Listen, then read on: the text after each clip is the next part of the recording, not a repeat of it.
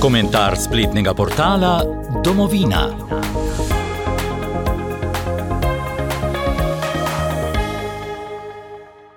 Dan po prvem krogu predsedniških volitev bomo prebrali komentar urednika portala domovina.je Roka Čakša.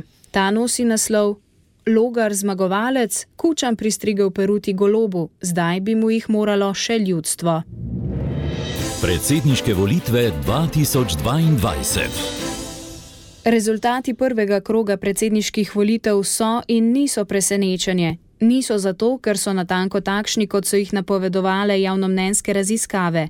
A ravno zato so tudi presenečenje, saj smo v Sloveniji navajeni, da te volilno napoved običajno zgrešijo. Anžel Logar je zmagal 34 odstotki oziroma 292 224 glasovi, kar je 12 tisoč več od rezultata SDS-a na zadnjih državnozborskih volitvah. A kaže, da predvsem na račun NSI, katere kandidat je dobil le 37 500 glasov oziroma več kot pol manj od svoje stranke na volitvah aprila. Slednje pomeni, da logar izven bazena desno-sredinskih strank ni kaj dosti pridobival, kar je za njih njegove možnosti v drugem krogu slaba novica. Dobra pa, da je v tem bazenu glede na skupaj 362 tisoč glasov SDS-a in NSI-a na državno-zborskih volitvah, pa še nekaj rezerve, ki se jo da mobilizirati. A le, če bodo ti voljivci verjeli, da Anže Logar lahko tudi iz finalne bitke izide kot zmagovalec.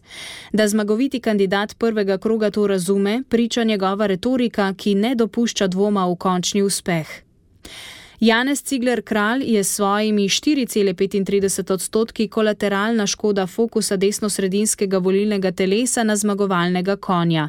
Svojo priljudnostjo in nastopom, predvsem pa trdnim stališčem na krščansko-demokratskih vrednotah, bi si zaslužil več.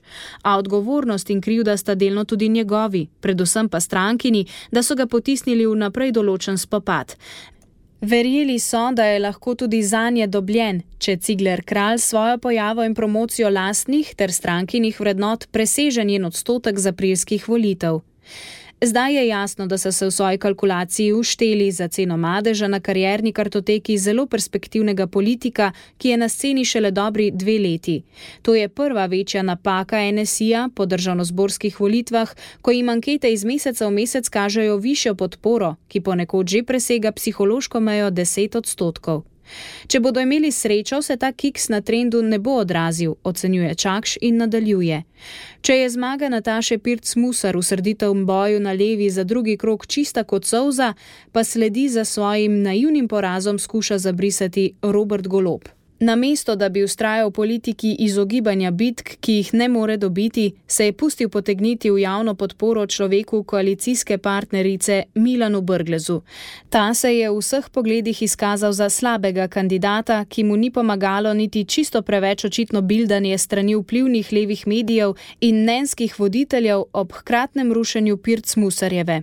Zgolj dobrih 15 odstotkov za kandidata koalicijske naveze, ki je še pred šestimi meseci dobila skupaj skoraj 41 odstotkov glasov na volitvah v državni zbor, je težek fiasko in kruta streznitev za golobove, ki bi jih morala zbuditi iz utopije, da je aprilski volilni uspeh delo njih samih oziroma genialnosti njihovega vase zagledanega vodje. Stric Kučan, ki mu je nečak golob na začetku kampanje nesramno zabrusil, da strelja kozle, prejšnji teden pa še, da razbija enotnost levega pola in s tem dela v korist mračnih sil, je prepotentneža prizemljil z lekcijo iz politike, ki jo bo še dolgo pomnil.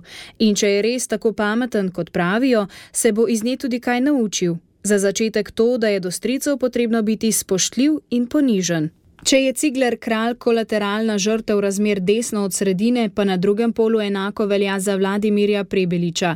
Da gre v resnici za odličnega kandidata, kar smo na domovini opozarjali že ob njegovem vstopu v kampanjo, se je širše izkazalo šele v zadnjih desetih dneh televizijskih soočen in prepričani smo lahko, da če bi golobovi stavili na mesto na Brgleza, bi naslednje tri tedne gledali dvoboj Logar Prebelič. Z najverjetnejšo zmago slednjega in golo bi se izognil ponižanju, ki mu ga je uprizoril kučan. Pa vendar je Prebeličev primer več kot koristen za razumevanje slovenske politične realnosti, saj nazorno demonstrira, da je brez podpore levega zaledja in njegovih mehanizmov še tako idealen politični kandidat obsojen na neuspeh. O Sabini Senčar povejmo le to, da je njenih slabih šest odstotkov prvi vidnejši znanilec resnega prihoda anti-establishment alternativcev na politično sceno, ki ga lahko pričakujemo v prihodnjih letih. O Mihi Kordišu pa, da se je s kandidaturo v svoji revolucionarni vnemi ustrelil v obe koleni. Jugonostalgikov in ostalih levičarskih skrajnežev je torej pri nas v resnici za kakšna 2,5 odstotka, kar ni odlična novica le za vse normalne, v prihodnost usmerjene ljudi, temveč tudi za Luko Mesca, ki lahko zdaj Kordišu in njegovim revolucionarjem mirno odredi mesto v najbolj zanikrnem levem kotu radikalno leve stranke, je zapisal urednik portala domovina.je Rok Čakš in zapis sklenil z vprašanjem. In kaj sledi?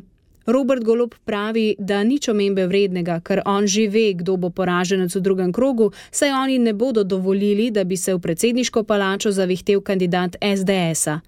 Ob takšni miselnosti je do tega, da volitve kar odpravi, saj je itak vse jasno in zakaj bi potem po nepotrebnem zapravljali davkoplačevalski denar, v pravih okoliščinah zgolj še majhen korak. To je po tisti izjavi, da če ne bo zmagal njihov človek, bodo na oblast prišle mračne sile. Že druga izrazito problematična izjava, ki dokazuje, da Robert Golop v resnici ni demokrat ali pa vsaj demokracije ne razume.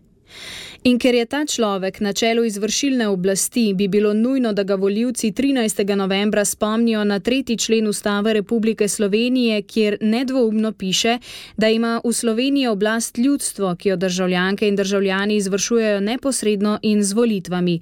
Torej ne Robert Golob s svojimi predstavami o tem, kdo sme biti zmagovalec, kdo poraženec, kdo je svobodnjak in kdo mračnjak, temveč vsi državljani in državljanke.